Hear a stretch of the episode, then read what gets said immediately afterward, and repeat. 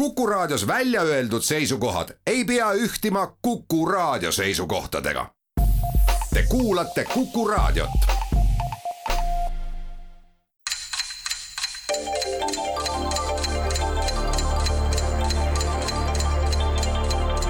tarkade klubi targemaid küsijaid toetab lisateadmistega Postimehe raamatukirjastus tere taas, Kuku raadio Tarkade klubi tervitab häid kuulajaid alanud õilmekuu esimesel laupäeval. sellisel, mis veel oma ilmelt ja laadilt üsna sama hall kui laias laastus kogu tehniliselt jätkuv kevadki no on see tänavune esimene poolaasta olnud meile, suhteliselt lühikese ilmamäluga kodanikele, kel veel meeles vaid viimase paari aasta rekordsoojad kevad ja suved nii harjumatult vesine ja külm, et parimate kavatsustega viinamarjakasvataja või jäätisevalmistaja karjääri alustada lootnud kuulajad sarjavad saatust, kirtsutavad nina ja teevad elukestvas õppe- ja töökarjääris nüüd mõningasi korrektiive ja sirvivad alustuseks tööbörsi teateid head Tarkade klubi kuulajad, nõnda nagu pole korduvaid kevadeid, suvesid ja üksikuid päevi, nõnda pole ka sisult samu kuulamisi meie üksteisele järgnevatest Tarkade klubi saadetest, milledest järjekorras neljasaja viiekümne viies teie kuuldeulatuses täna veereb. ja vahel juhtub, et selles iseenesest eristuvas reas üllatame kuulajaid ja iseendid veel omakorda eristustega. täna on üks selline kord pikemaks eellooks olgu öeldud fakt, et juba ammugi mõlgutas meie kollektiiv mõtteid sellise saate osas, millega teha kummardus ristirahvale ja nende teenritele ehk komplekteerida mäng nõnda, et see kätkeks endas ainult usundilooga ja täpsemalt kristliku usundilooga seotud küsimusi ja mälumängulises vormis vastaksid neile teema sügavamad teadjad ja tundjad, kelleks enamasti ongi kas siis hingekarjased jumalasulased või väga head religiooniloo tundjad. ja meil läks see õnneks ja hea võimalus oli mäng ajatada nüüd päevale, mis eelneb ühele kristlikule olulisele pühale, nelipühade esimesele pühale, mida kristlased homme tähistavad. ja nagu headel asjadel ikka, on ka nelipühadel mitu nime, nagu näiteks näiteks kolmainupüha, Pentekoste, Pjatidesnjatitsa ja mööndustega ka Šavot. ja tasub homme, kui juhtute liturgiale minema, tähele panna ka liturgilisi värve, luteri kirikus punane, õigeusu kirikus roheline miks saatejuht selle viimase viite nüüd sisse tõi, eks ikka selleks, et rõhutada tänase mängu oikumeenilist ehk koosmeelelist vaimu ütlemata hea meel on meie saates kohata väga erudeeritud, auväärseid külalisi, kes kõik eranditult on ka meie saate debütandid. Tartu stuudios tutvustusringi alustades on hea meel tervitada õigeusu vaimulikku munkpreestrit ja ka austavat punk-munkpreestri tiitlit kandnud isa Orenti Kampust tere!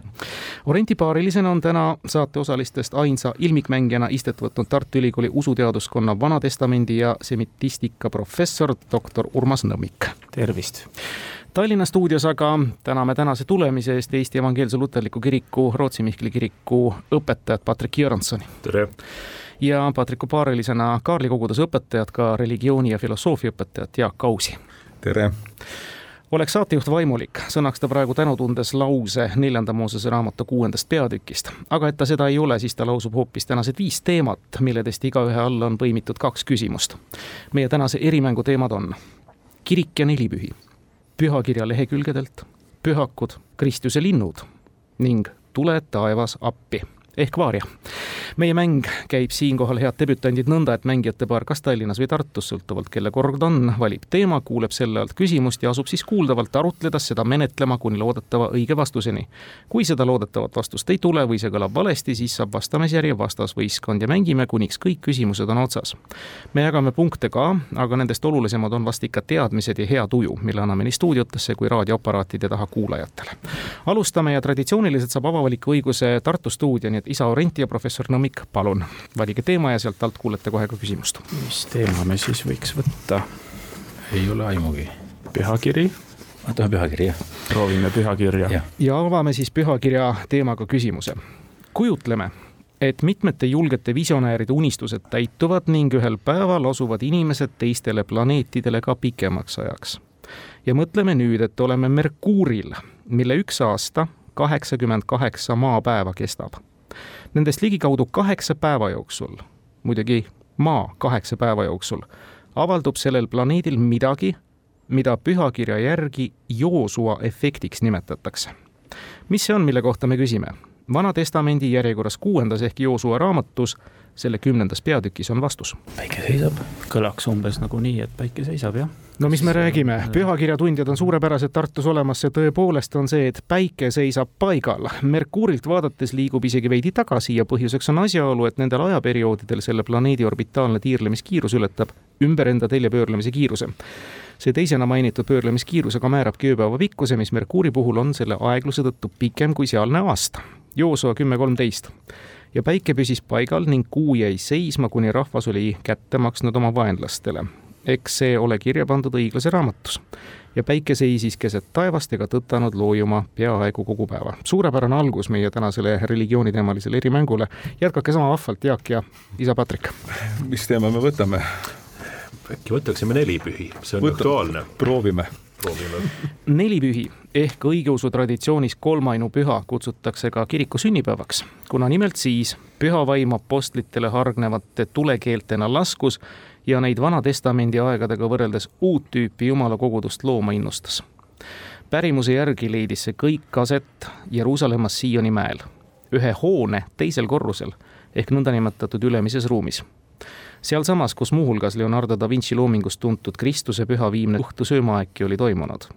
kuid sellesama hoone alumise korrusega seondub hoopis juutidele ja judaismile midagi väga püha ja erilist. ning see ongi üks peamisi põhjuseid, miks näiteks juutide rahvuslik ideoloogia samuti kui sionism tuntud on. mida ehkki arheoloogiliselt seni tõendamata, see alumine osa antud tänini püsti olevas ja turistide vastuvõtvas konkreetses majas siis sisaldab no vot siis nüüd, no vot nüüd, see koht on iseenesest nagu tuttav küll, et see teine korrus, aga mis seal esimesel korrusel, see jääb natukene praegu kuskile varju. kas ei olnud kuninga Taaveti haud? jaa, seal mingi selline mina arvan, et see, aga kindel ei ole, aga minu arvates on ja kas juudid ei pane sinna uus kroon iga aasta, kui Iisrael on iseseisev? jaa, sul on mingi selline asi tuleb mulle ka nüüd tuttav ette, aga ma kui keegi, kui Timo annaks praegu mürgipudeli, ma ei jooks. ei, seda ei tasu ei tasu panna jumalale prooviks, et, et aga kas, kas pakume seda? pakume seda. suurepärane tuletis ja teadmine, isa Patrik Jüranson, see on tõepoolest pärimuse kohaselt kuningas Taaveti haud, on ka kirstu või sarkofaagi taolise rajatisega tähistatud seal peal me oleme viljakas mängus, üks-üks on seis pärast kahte küsimust. olge head, isa Orenti ja professor Nõmmik. mis me nüüd proovime, jälle pühakirja? võtame pühakirja ja vaatame. ja tunnete ennast pühakirjas tugevalt, see on selge, Vana-testamendi professor iseäranis. ja teine küsimus ja ühtlasi saab siis see teema ka ammendatud Kristuse ajal kõneldi Palestiina lihtrahva hulgas igapäevaselt semiidi keelte hulka kuuluvat aramea keelt. selles rääkisid ka õnnistegija ise ning enamus tema suhtlemisringkonnast mõned näited sellest on originaalkujul ka Uue Testamendi erinevates keeltes versioonidesse jõudnud. Markuse evangeeliumi viiendas peatükis talita kuum, kui Kristus Jairuse tütre surnuist üles äratas või efata ehk avane kurtuma tervenedes. sama evangeeliumi seitsmendas peatükis. kuid on veel üks selles keeles väljend, mida pühakirjas esineb ühtaegu nii needmise vormeli järel, Pauluse esimese Korintuse kirja kuueteistkümnendas peatükis, kui samal ajal otseselt ka issanda tulemise lootuse palvena. seda Johannese ilmutusraamatu lõpus, eestikeelses piibliversioonis küll ainult tõlgitud kujul. milline väljend niisiis küsitavat nime kannab muide ka üks Eesti kristliku nelipühi kiriku kogudustest? vaat sulle äh, Uus Testament on minu jaoks kole uus kraam ähm,. kuidas sinuga, Orenti, on hmm,? ka väga uus kraam, jah um,. aga vihjeid on mitmeid, millest saate kinni haarata ja arutleda. see võiks olla abiks, jah. mis need väljendid, mida, mida te just ette lugesite? jaa, lugesime ette Markuse evangeeliumist siis talita kuum, kui Kristus Jairuse tütre surmast äratas ja efata ehk avane, kurtuma tervenedes ja me küsime nüüd ühte kolmandat mis esineb ja. siis ka needmise vormelina, see on siis Pauluse esimene Korintitase kiri kuueteistkümnes peatükk ja issanda tulemise lootuse palve Johannese ilmutusraamatu lõpus eestikeelses piibliversioonis küll tõlgitud kujul ja mis väljend, seda nime kannab ka üks Eesti kristliku nelipühi kiriku kogudustest mm. -hmm. kui Keisel ütleks, tuleks kohe meelde, jah, seesama ongi jah see on täpselt nii jah, aga mis siis võiks vihjeks olla? ega ei olegi, kõik said ära öeldud küsimuse sees see on tõepoolest saksa keeles öeldakse ich bin überfragt jah, seda öeldakse jah, ta on keele peal, aga ei tule välja. jääme vist vastusvõlgu, anname järje Tallinnale. Tallinn on ootusärev, midagi on siin kirjutatud ja midagi tahetakse kohe välja pursata. no mina tunnen ikka rõõmu sellest, et Patrick on kaasas, et, et ma kohe tunnen ennast palju tugevamalt, sest Patrick, Patrickul tuli kohe üks hea mõte pähe ja ta pani selle paberile ja ma ütleksin nii, et esialgu ma kõhklesin, aga ma tegelikult jäin äh, jään Patrickuga nõusse, nii et see sõna on. loodetavasti Maranata. see sõna on ja, Maranata, täpselt. ta on see siis, täpselt, Tartus tegutseva koguduse nimi on täpsemalt ja. siis küll ühe A-ga, esimeses silbis. Pauluse esimene kiri korintlastele kuusteist kakskümmend kaks kui keegi ei armasta issandat, olgu ta ära neetud, Maranata. Johannes ilmutus kakskümmend kaks kakskümmend, tule, issand Jeesus.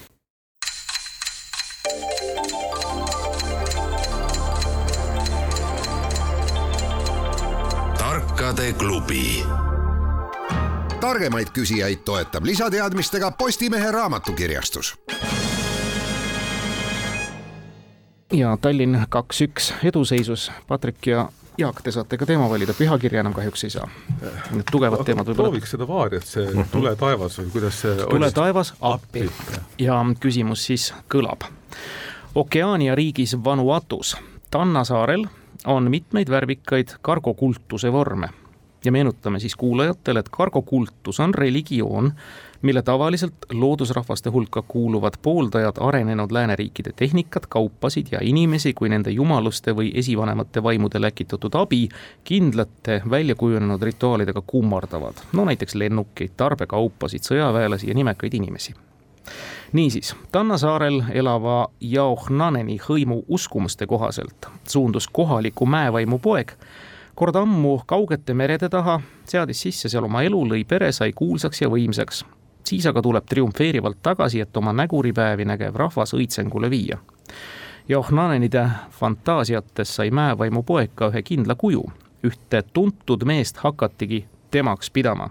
ja me küsime, keda tuhande üheksasaja seitsmekümne neljandal aastal leidis nii-öelda teine tulemine aset, kui küsitava isiku jalg esimest ja tegelikult ka viimast korda saare pinnale astus.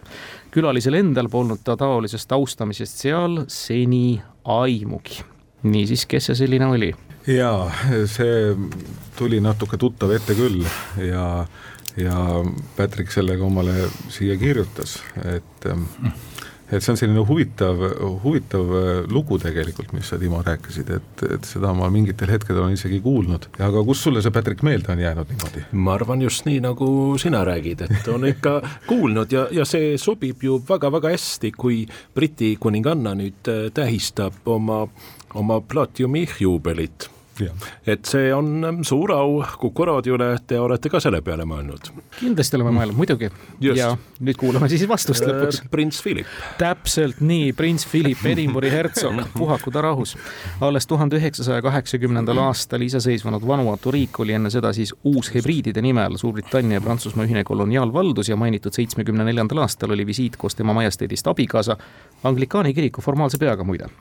suurepärane, nelja küsimuse järel Tallinn kolm, Tartu üks, meil ei ole mitte ükski küsimus vastuseta jäänud ja palun, professor Nõmmik ja isa Orenti, teie valik.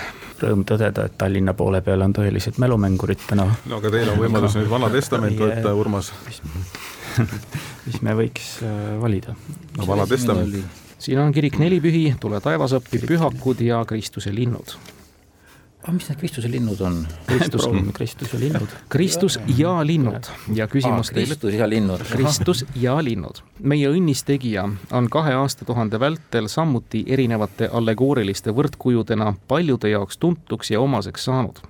näiteks kui kala, ilmselt sellepärast, et kreekakeelne kala tähistav sõna ihtus, ühtlasi anagramm väljendist Jeesus Kristus, Jumala poeg, päästja on veelgi rohkem kui jääradall piibli jumala tallest, ohvritallest tulenevalt, kuid ka ühe linnuna.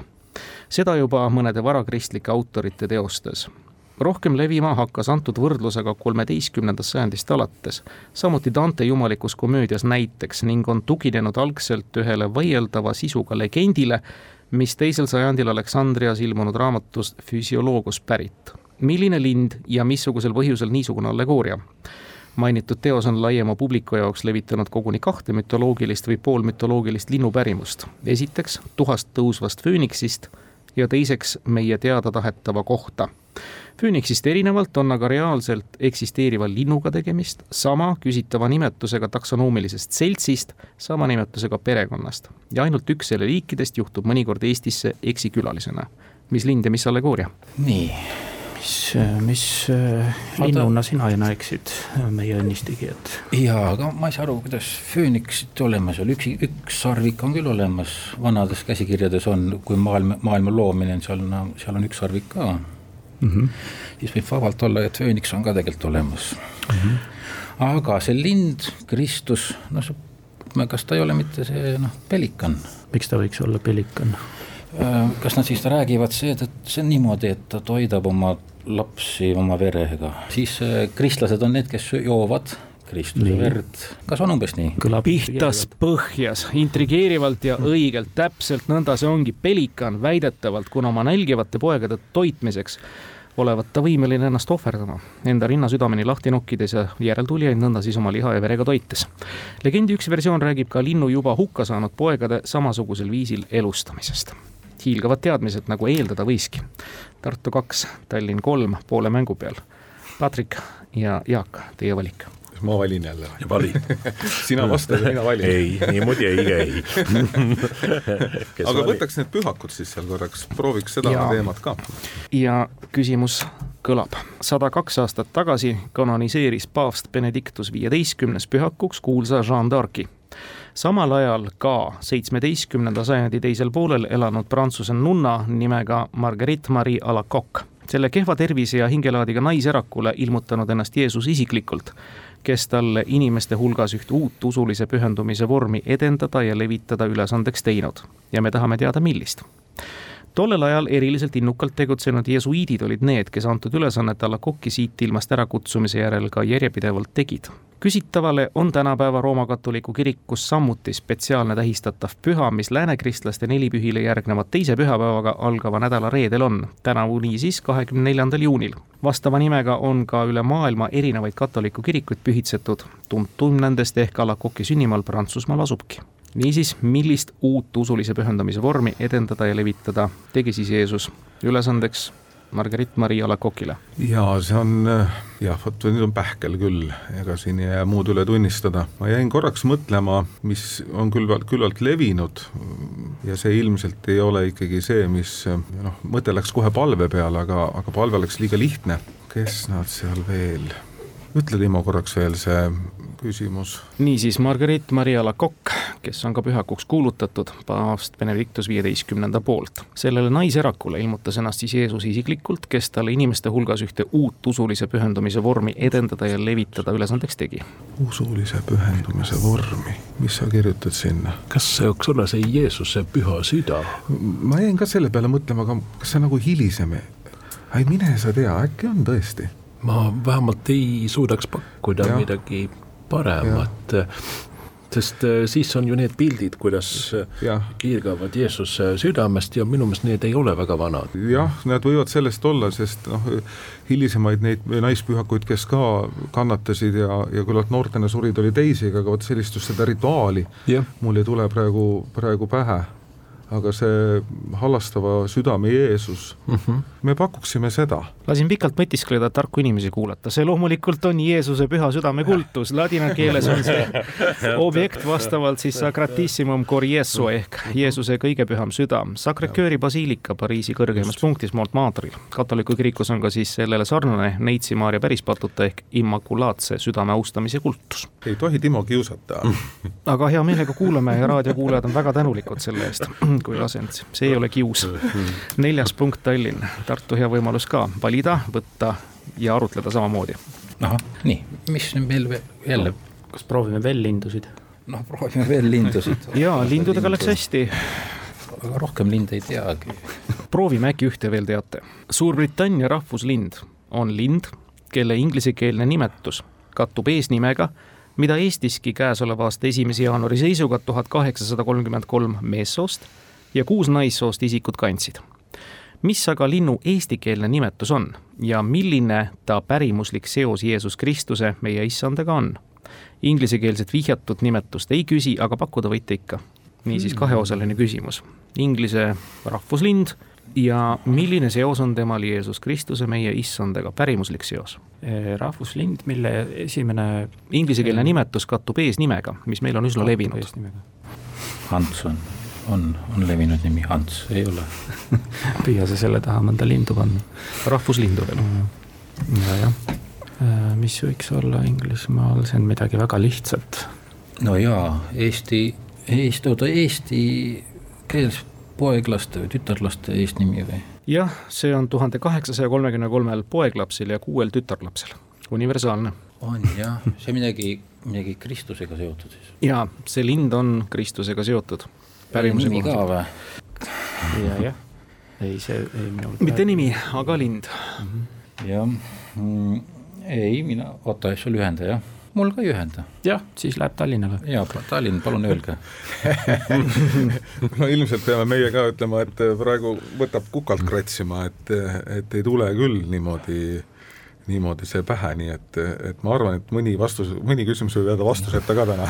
selge, siis sajaprotsendilist mängu ei tule, see inglisekeelset nimetust kannab see lind Robin, see on see eesnimega seos, aga eesti keeles on ta punarind. paralleelnimetused ka punakurguke, lepalind, risulind, tema olevat Kolgata mäel Kristuse ihust naelu välja nokkida püüdnud. sai ristilöödu verest oma kurgualuse punaseks. muidugi on arvestatavale osale kuulajatest see lugu ehk Selma Lagerlöfi legendidest Kristustest tuttav. nüüd tuleb Patrik Selma Lagerlöfi peale hakkas kohe noogutama. mina küll ütlen, et esimest korda kuulsin jah, et tõesti. ei, ei, ma olen seda küll kuulnud, ma tunnistan, aga meelde ei tulnud. et jäin ainult mõtlema selle nime peale ja edasi ei saanud.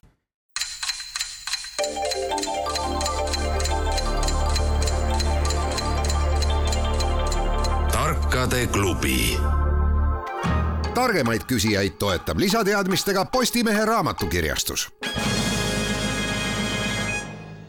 meil on kolm küsimust lõpuni jäänud kolmes teemas ja Patrick ja Jaak, te saate valida, kas nüüd tule taevas appi, pühakuid või kirik ja nelipühi. ma ei tea, võtame selle nelipühi äkki. jätkame, jätkame, jätkame, jah. mälumängudes küsitakse ikka tavaliselt võimalikult mitmekülgsest ainesest, näiteks erinevate inimeste, erinevate riikide, loomade, lindude, taimede ja nii edasi kohta. ikka üritatakse ka aktuaalseid teemasid sisse põimida ja käimasoleva küsimusega me püüame sama rada järgida, seejuures valitud teemas kirik ja nelipühi oikumeenilises vaimus püsides. juba mitme kuu jooksul järjepanu oleme oma Tarkade klubi saadetes Slava Ukraini motiivi sisse toonud ja nõnda ka nüüd. Öelge, head mängijad, millega kaks ukrainlast, Oleg Vitjuk ja Andrei Vitjuk on tuntuks saanud? vihjeks üks eluslooduse liik, mille ladinakeelseks taksonoomiliseks nimetuseks on Dryopteris. Oleg ja Andrei Vitjuk. nelipüha ja nelipüha ja Dryopteris. selle kohta öeldakse meil krüptiline küsimus. kas see kuidagi nende sümboolikaga ei ole seotud? ilm ma pean tunnistama, et ähm, minu pea on vist ähm, nüüd tühjaks jäänud. et, et äh, mul, noh, mul esimesena tuli kohe see nende sümboolika äh, kuidagi seal, seal äh, nagu noh, nagu meelde et ma olen isegi mingitel hetkedel selle üle mõtisklenud, et, et ta on selline hästi huvitav, selline läbi põimunud, et ühelt poolt hästi konkreetne, see nende märk, aga teiselt poolt selline hästi, hästi üksteisest nagu läbikäiv, et Rigoetra on üks samamoodi mm -hmm. üks imeline sümbol, mis noh, nagu on nii läbi põimitud erinevatest asjadest. ja sellepärast mul nagu see tunne tuli kohe pähe, et äkki see on see nende nii-öelda vapimärk või, või midagi taolist, või kuidas seda õigem oleks nimetada, see, mis on üldiselt sümbolina meil hästi tuntud. et me pakuks seda. just. vot sedakorda jäin ka tarku inimesi kuulama, aga ma ei saa kahjuks punkti anda, sest see ei ole õige vastus. aga olge head, isa Orent ja professor Nõmmik. Oleg Vitjuk, Andrei Vitjuk, millega nad on tuntuks saanud ja vihjeks oli ka üks eluslooduse liik, mille ladinakeelseks taksonoomiliseks nimetuseks on Dryopteris ja me püsime nelipüha kiriku nii-öelda teemas. nelipüha neli püha ah.. neli pühi. neli pühi hmm.. ukrainlased Ukrainas, jah? Nad on ukrainlased, rohkemat pole öeldud. aga, ahaa, et kuskohast nad kuulsaks said? millega nad kuulsaks said, jah? Oleg Vitjuk ja Andrei Vitjuk. üle maailma? seda pole öeldud ah.. liigi nimi äh, Dryopteris liiginimega, kas seal on midagi kolmega seotud? mis liigil on meil? ma võin tähtaeval öelda, nõrg D, R, Y, mm. O, P, T, E, R, I, S? ei, isegi, no mitte isegi, vaid lo-, loomulikult ma ei tea. ei, jääme võlgu vastuse, jah. jaa oi, väga vabandame, väga vabandame. ei, mis te vabandate, ega seda krüptikat teinekord tulebki läbi hammustada. Oleg Vitjuk ja Andrei Vitjuk on küll rahvuselt ukrainlased, aga tegemist on Eesti kodanikega, kes on ka nime vahetanud. Triopteris on ladina keeli sõnajalg. olin nagu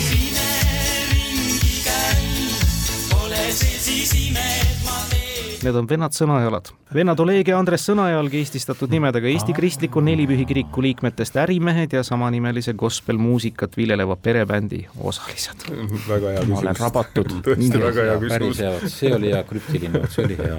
jaa, just. ega midagi, jätkame, kaks küsimust on minna ja professor Nõmmik ja isa Orenti, teie valik, kas meie valida. tule taevas või pühakud? oota, või pühakud võta, võtame pühakud. võtame pühakud.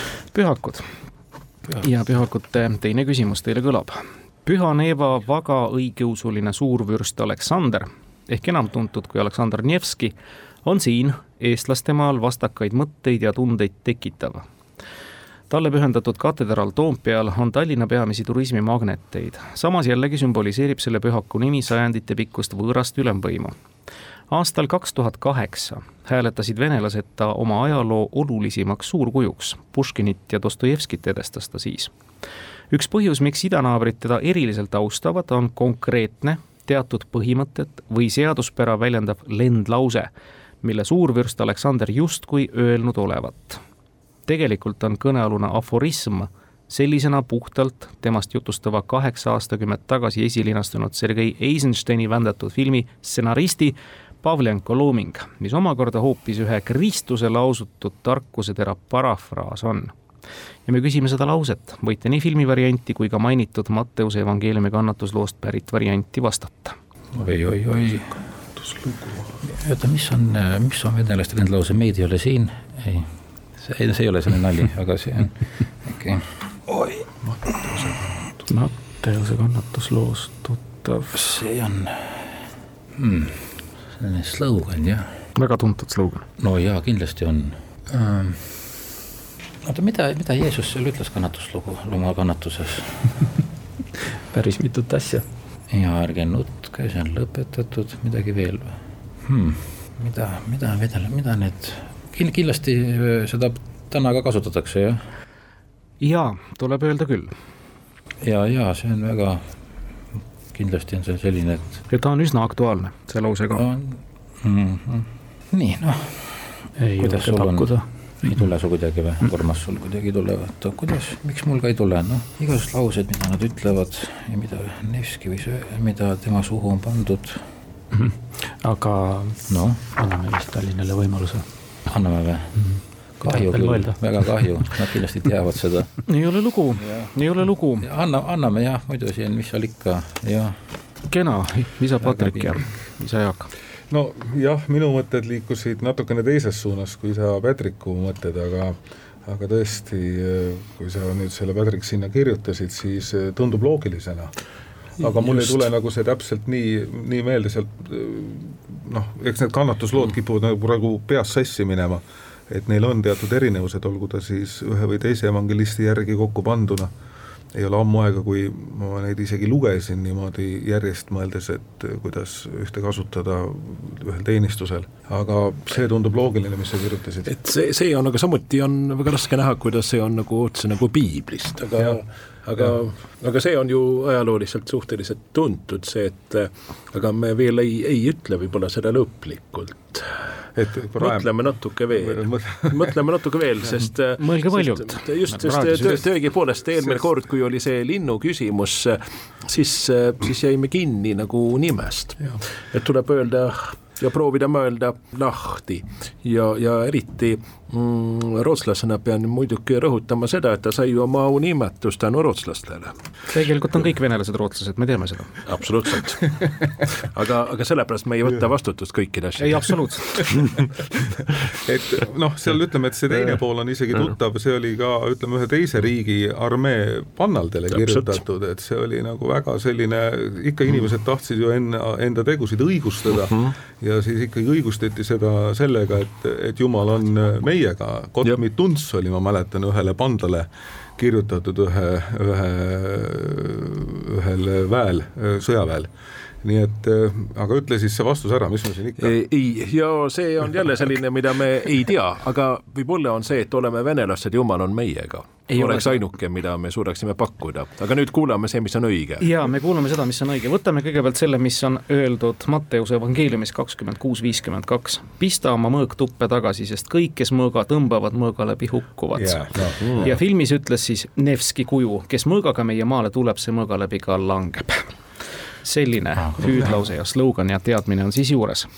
meie mängu jääb lõpetama nüüd küsimus Vaari vallast ehk siis siin mängus teema Tule taevas appi. Ja me küsime teie käest kõigepealt Tallinn, kui te vastust ei tea, saate Tartule anda võimaluse. Tuhande üheksasaja kolmekümnendate aastate keskel kirjeldas psühhiaater Heinz Hermann esimest korda kliiniliselt ühte teatud psühhoosina avalduvat vaimuhaigust, mille kohta siiski juba paljude sajandite tagant enne seda teateid leidus tuhande üheksasaja kaheksakümnendatest aastatest tegeletakse vastava probleemi uurimisega intensiivselt Kvarshauli vaimse tervise keskuses ning üheksakümne kolmandal aastal pandi esimesele patsiendile ka esimene kaasaja meditsiini nõuetekohane kõnealune diagnoos milline diagnoos või konkreetse nimetusega haigus. sellele keskendub muuhulgas näiteks ka Simsonite seriaali kahe tuhande kümnenda aasta hooaja üks episood. see viimane vihje vist ei aita väga ei aita jah mis haigus jah? jaa, vaimuhaigus. vaimuhaigus. ja sündroom. jaa, just. ja, ja mis aasta see oli? see on kolmekümnendate keskel hakati teda kirjeldama, aga samas on tähelepanekuid juba varasemastki. kaheksakümnendatel juba uuritakse spetsiaalselt seda, üheksakümmend kolm sai esimene inimene diagnoosi. kui on nagu vaimuhaiguse sündroom, on ainuke, mida tuleb meelde, on see Jeruusalemma sündroom ah,. aga et äh, kui inimene arvab, et nad on Jeesus et äh, jah, ma ütleksin ka, mul küll läksid mõtted teisele poole, aga kui sa nüüd seda ütled, siis mulle pigem ütleme selles saates ja selles kontekstis tuleb mulle see ikkagi see nali meelde, et ükskõik, mida ma ei vastaks, et isegi siis, kui ta oleks koheva sabaga hüppaks oksalt oksale, siis siit saates peaks ütlema Jeesus. absoluutselt ja, ja samuti ei taha ju jääda võlglaseks ja, ja ka mitte vastuse võlglased, kas ja. võtame selle riski? võtame ja? selle riski, jah ja.. hästi teete, Tartu ohkas kõrval oli kuulda kohe, nemadki teadsid vastust, see on Jeruusalemma sündroom, kus patsient läheb palverännakule Jeruusalemma, kujutab ennast seejuures näiteks mõne tähtsa usutegelasena ette ja võib väita, et ta erilise ilmutuse osaliseks on saanud ja välja valitud isik. lisaks võib süstemaatiliselt avalikult pidada jutlusi, üritada rõhutatult valgesse riietuda, vastav sündroom on avaldunud isegi isikutel, kes Jeruusalemma endasse kohale läinud ei olegi. no üks näide tuleb mul endal meelde Siberisse, on üks keegi Vissarioni nimeline uh -huh. näiteks, võib-olla selle sündroomi kannataja. no suurepärane mäng on tegelikult ju täna olnud ja ma usun, et teadmisi täis on mõlemad stuudiopooled olnud, iseäranis kiidame ja täname isa Patrik Jüranson väga kenade soorituste eest ka. kastanid tulest välja? Tuua, isa Orenti ja professor Nõmmik suur,, suur-suur tänu teile Tartusse ka, ennem kui hüvasti jätame tänases saates, siis palun teil ka võib-olla parim kuuldud küsimus ära hinnata. no mind ikkagi see sõnajalgade teema oli see, mis oli nagu täiesti niisugune, et no ma ei tea, ühegi valemiga selle peale ei oleks tulnud ja, ja mina kui veendunud monarhist peaks loomulikult rõhutama see, see, et te pidasite meeles äh, prints Philip, kui on kuninganna Elizabethi suur platinumi juubel tähistamine. see on au teie raadiole. suur tänu ja mida ütlevad siis meie Tartu stuudiomängijad? ja ausalt öeldes mulle ka väga meeldis see sõnajalgade küsimus Orenti noogutab. ja mulle väga hea, väga, see oli su see, suurepärane küsimus, seda võib teinekord ka kasutada. ilusa, ilusa dünaamikaga ootamatu lahendusega küsimus. nagu anekdoot, täpselt. aitäh, professor Nõmmik, aitäh, isa Orenti Tartu stuudiosse, aitäh teile, isad Jaak Aus ja Patrik Joranson tulemast täna Tallinna stuudiosse. ilusaid eesseisvaid pühi teile kõigile.